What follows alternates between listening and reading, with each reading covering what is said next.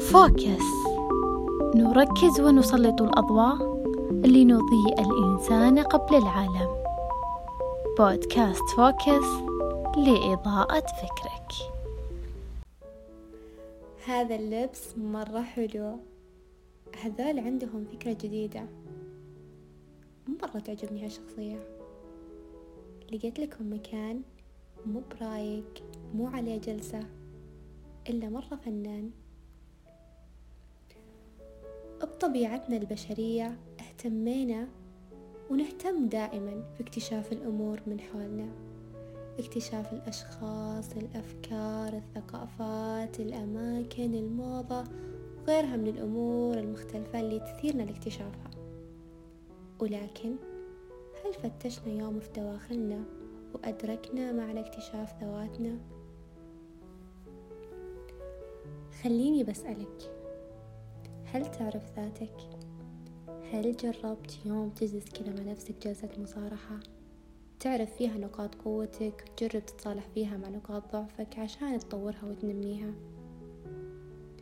هل أنت مدرك نفسك كفاية؟ يقول باولو كويلو إن محاولة اكتشاف الذات هي من أصعب المهام وأكثرها متعة هي المغامرة الوحيدة التي تعطي لحياتنا قيمة.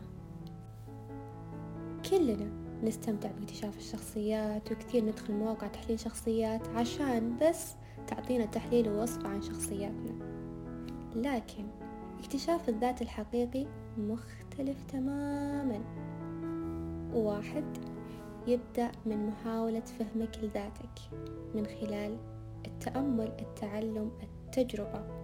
اللي تساعدك تكتشف فيها نفسك وتطور فيها مهاراتك وتعرف نفسك أكثر وأكثر. ثانيا عامل نفسك كمشروع.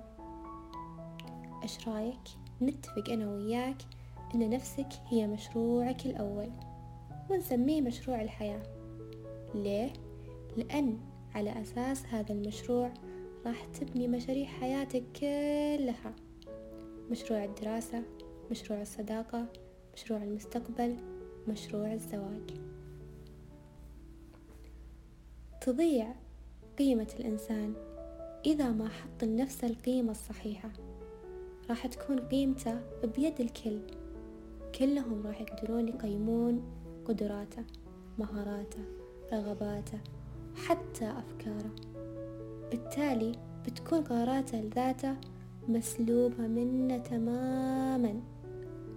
ما راح يشوف نفسه إلا من خلال الآخرين. بيشوف نفسه قادر إذا قالوا له أنت قادر. بيشوف نفسه عاجز إذا حكموا عليه بالعجز. بتضيع منه الفرص.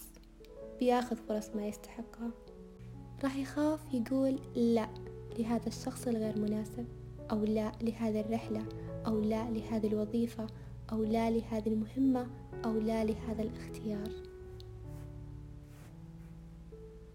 فواجب كل شخص تجاه نفسه إنه يحاول اكتشاف بناءه وأساسه ويتعرف على ذاته أكثر ويكتشف عيوبه قبل مهاراته حتى يعيد بناء ما قد أعوج ويزيد تدعيم مميزاته ومن هنا تأتي أهمية بناء الذات.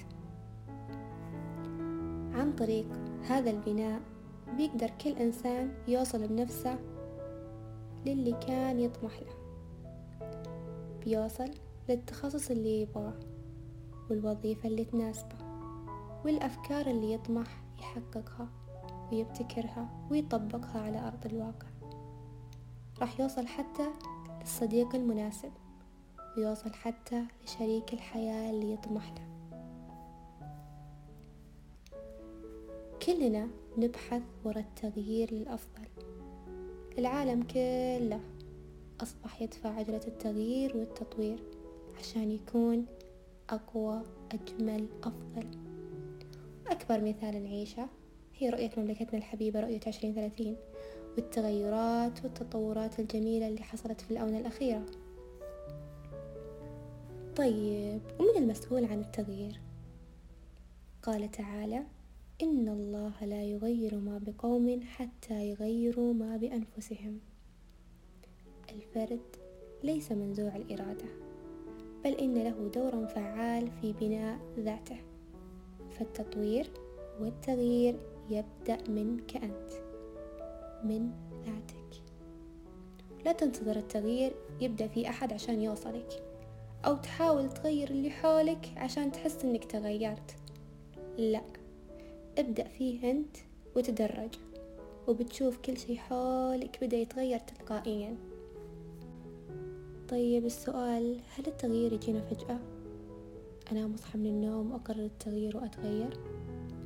الأكيد لا التغيير يمر بمراحل يبدأ بتأمل لجميع نقاطك ظروفك أسلوب حياتك وينتهي قرار إيجابي تتخذه في حق ذاتك أدرس نفسي أفكر أنا إيش أحتاج عشان أتغير.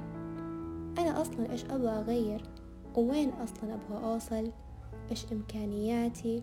وإيش اللي أطمح له؟ وإيش اللي عادي أخسره؟ بس مقابلة أكسب شي ثاني أبيه. إيش الفرص المتاحة لي؟ وإيش اللي ممكن يهدد الفرص اللي تجيني؟ نفترض أن أحمد رجل حاب يبيع بيته. بعد ما تحسنت الظروف المادية باعتقاده أنه جاء الوقت اللي ينتقل فيه البيت أفضل من البيت اللي كان يشوفه في مكان شعبي ومزدحم وما هو بيت أحلامه. راح أحمد لأحد الأصدقاء اللي كان خبير في أعمال التسويق وطلب منه كتابة إعلان البيع البيت. وكان صديقه يعرف البيت زين. بحكم إنه صديقه يعني. كتب له وصف مفصل قال له فيه بيت رائع على الرغم من صغر مساحته إلا أن هذه المساحة كافية لتشعرك بالألفة وتمكنك من الشعور بالسعادة داخل بيتك. ما راح ترهق زوجتك بتنظيف مساحات كبيرة ما تستخدمها وأن هالبيت هو الحل الأمثل للأسرة العصرية. بالإضافة أنه في موقع متوسط من العاصمة تتوفر فيه كل الخدمات وقريب من وسائل المواصلات. ما راح تحس أبد أنك على طرف المدينة وأن هذا البيت بيحسسك بأجواء البلد الأصيل. كل الناس يعرفون بعض ويشعرونك بالأمان والدفء. واستمر صديقه يقرأ المواصفات وكان أحمد يصغي له باهتمام شديد. ثم قال أرجوك اقرأ الإعلان مرة ثانية. لما عاد صديقه قراءة الإعلان تعجب أحمد يقول هذا البيت اللي أنا كنت أحلم إني أمتلكه بس ما كنت أدري إن أنا أعيش فيه لين سمعتك توصفه. إحنا مثل هذا البيت. عندنا العديد من المميزات والقدرات والمهارات والأفكار والأوقات اللي ما نلتفت لها. ولا نعطيها بال. كم من ميزة نملكها؟ لكننا ما نعرفها. نهدرها ونضيعها. وترانا كلنا أو أنت تراك تملك الكثير والكثير من المميزات اللي لو استثمرتها بصورة جيدة أصبحت من عظماء المتفوقين في مجالات الحياة. أخيرا ذاتك هي مشروعك الأول ووعيك بها. هو طريق نجاحك مهاراتك قدراتك هي رأس مالك. فأحسن الاستثمار. كانت معكم ثين مرزوق جزء لا يتجزأ من فوكس. شاركتكم أولى الحلقات من بودكاست فوكس. كونوا بالانتظار لحلقة قادمة.